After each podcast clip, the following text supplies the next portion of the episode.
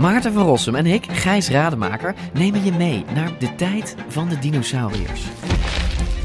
Ja, jij vindt het gemene beesten Het gewoon eigenlijk. gemene beesten. Ja, Kijk, kijk naar ze. Beesten zijn niet gemeen.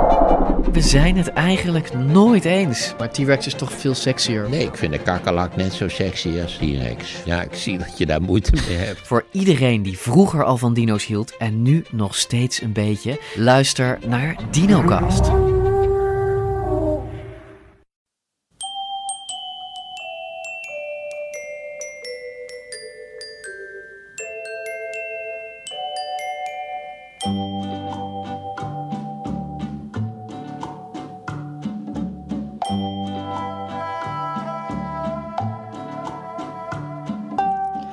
Welkom bij aflevering 125 van de Echt Gebeurd podcast, waar waargebeurde verhalen worden verteld door mensen die ze zelf hebben meegemaakt.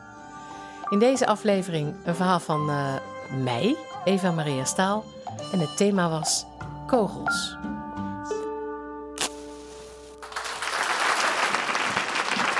Ik, eh, mijn verhaal speelt zich af in een tijd dat er nog geen mobiele telefoons waren, geen ADHD bestond, geen 112, geen euro en ehm, oh ja, heel weinig geldautomaten. Dat is wel even belangrijk om te weten. Het was eh, februari 1983 en ik was met mijn allerbeste kameraadje Herman Pruiske eh, even naar de bank geweest op de Rotterdamse Koolsingel om geld te halen. Ik zou naar de windsport gaan.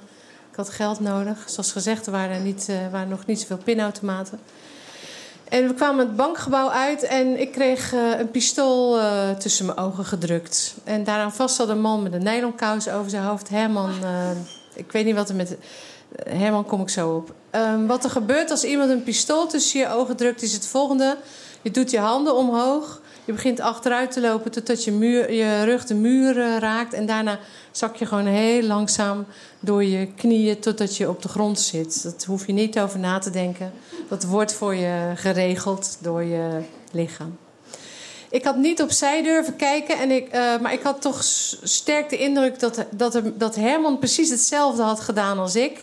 En daar was ik heel erg blij om. Ik, ik- gelukkig had Herman hetzelfde gedaan als ik. En hier moet ik even iets over Herman vertellen. Herman is een fantastische vent. Ik ken hem al mijn hele leven. En, ehm, maar hij heeft één ding.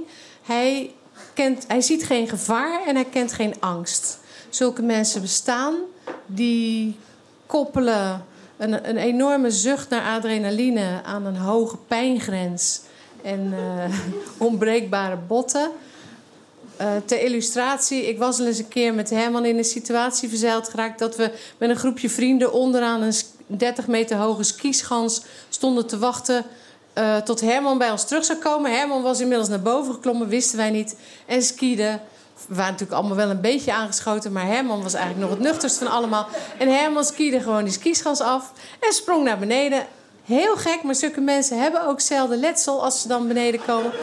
Herman dus ook niet. Dan blijf je zulke dingen denk ik ook doen. Ik was ook al een keer in Berlijn met Herman verzeild geraakt in een kroeggevecht. Hij had het opgenomen voor een Duitser.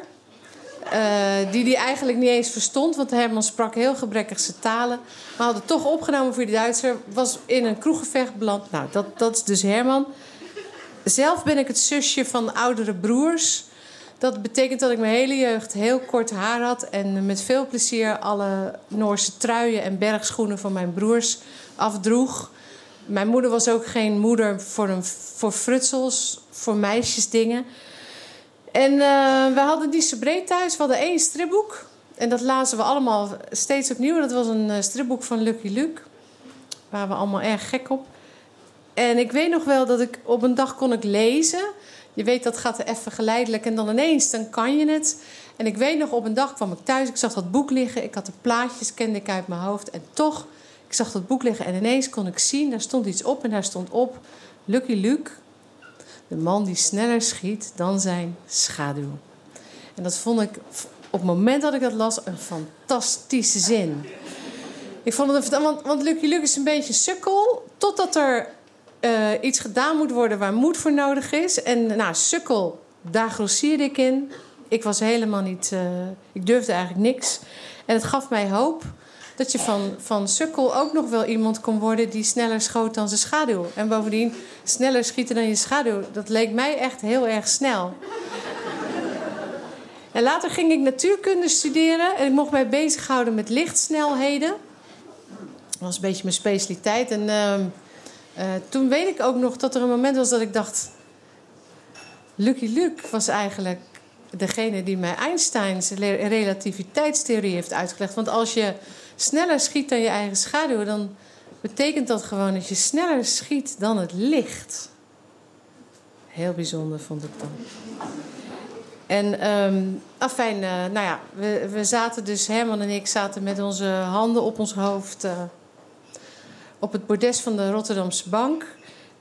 Nou wil het toeval dat ik een pistool in mijn rechterzak had zitten. En een, een, met een kogel in het magazijn en een patroonhouder in mijn linkerzak. Nadat ik natuurkunde had gestudeerd, kwam ik terecht bij een maatschappij, een, een, een, een bedrijf wat defensiematerieel maakte, onder andere nachtkijkers. En van daaruit werd ik weggekocht door een hele rijke Chinees met alle, een wapenhandelaar. Die had wapenhandels over heel de wereld. Daar kwam ik te werken. En hij vond het belangrijk dat ik mijn vergunning uh, haalde en mijn schietbrevet. brevet. En dat deed ik dus ook. Ik was lid van de schietvereniging. ik kon goed schieten. En iedereen weet, of niemand weet, maar ik.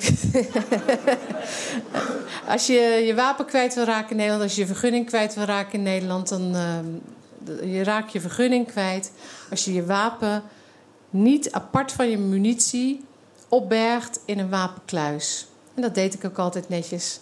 Als ik in een beschermde omgeving schieten had gedaan, dan borg ik mijn wapen netjes op. Alleen die dag niet. Het had nog heel wat voeten in de aarde gehad, maar dat is een ander verhaal. Want je mag je wapen echt niet meenemen over straat.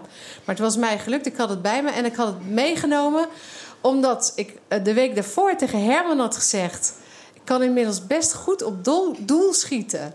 En Herman had gezegd: Nou, dat uh, is knap van je, maar dat, volgens mij uh, zou ik dat ook wel kunnen.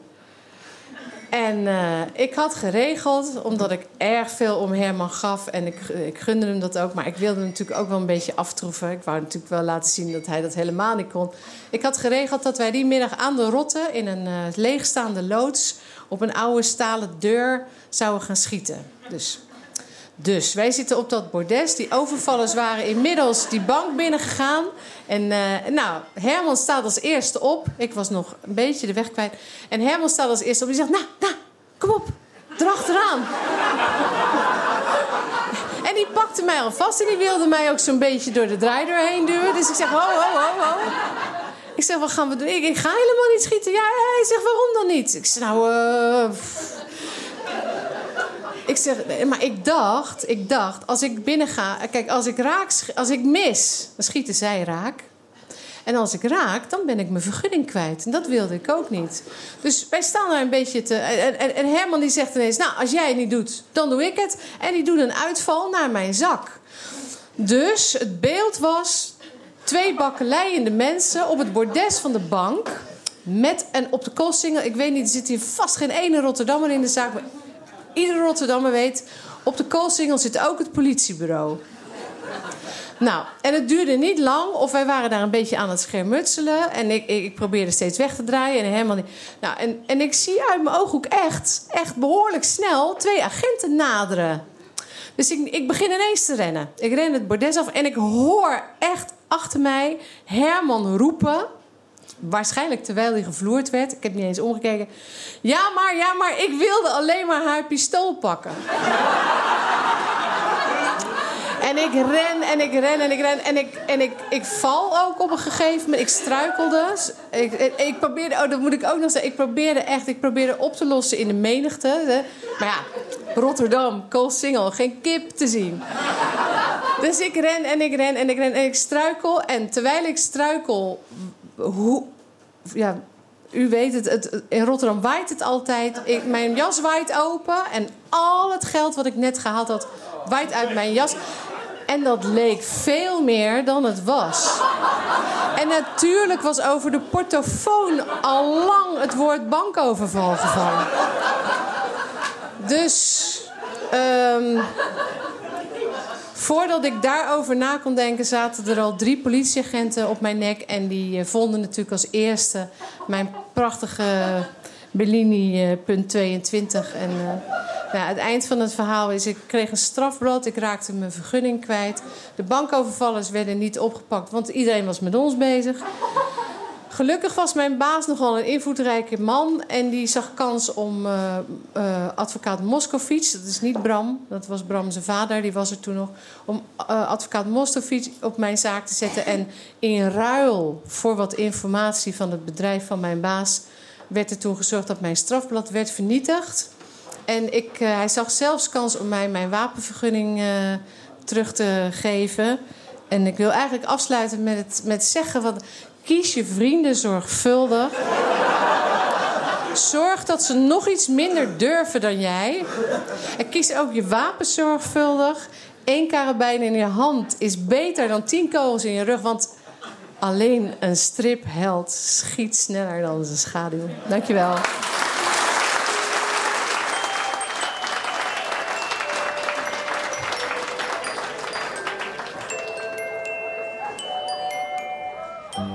Nou, dit was dus mijn verhaal. Inmiddels ben ik een brave schrijfster en redactrice bij Echt Gebeurd. En Herman leeft ook nog steeds. De Echt Gebeurd podcast wordt maandelijks opgenomen in Toemler, onder het Hilton Hotel in Amsterdam. En heb je nou zelf een bijzonder verhaal of durf je voor te lezen uit je puberdagboek? Laat het ons dan weten op www.echtgebeurd.net. Wij helpen je met vertellen, hoef je niet alleen te doen. En je kunt ook gewoon een keer komen kijken en luisteren. Vanaf half september staan we weer in Toemler en tegen die tijd kun je onze speeldata en thema's op onze website vinden. www.echtgebeurd.net Luister je nou vaker naar onze podcast, dan kun je ons helpen door ons te liken op Facebook, ons te volgen op Twitter of door ons te raten op iTunes. Hoe meer mensen van ons weten, hoe meer verhalen wij kunnen laten horen. De redactie van Echt Gebeurd bestaat uit Micha Wertheim, Paulien Cornelissen, Rosa van Toledo en mijzelf, Eva Maria Staal. De techniek is in handen van Nicolaas Vrijman. Bedankt voor het luisteren en tot de volgende podcast.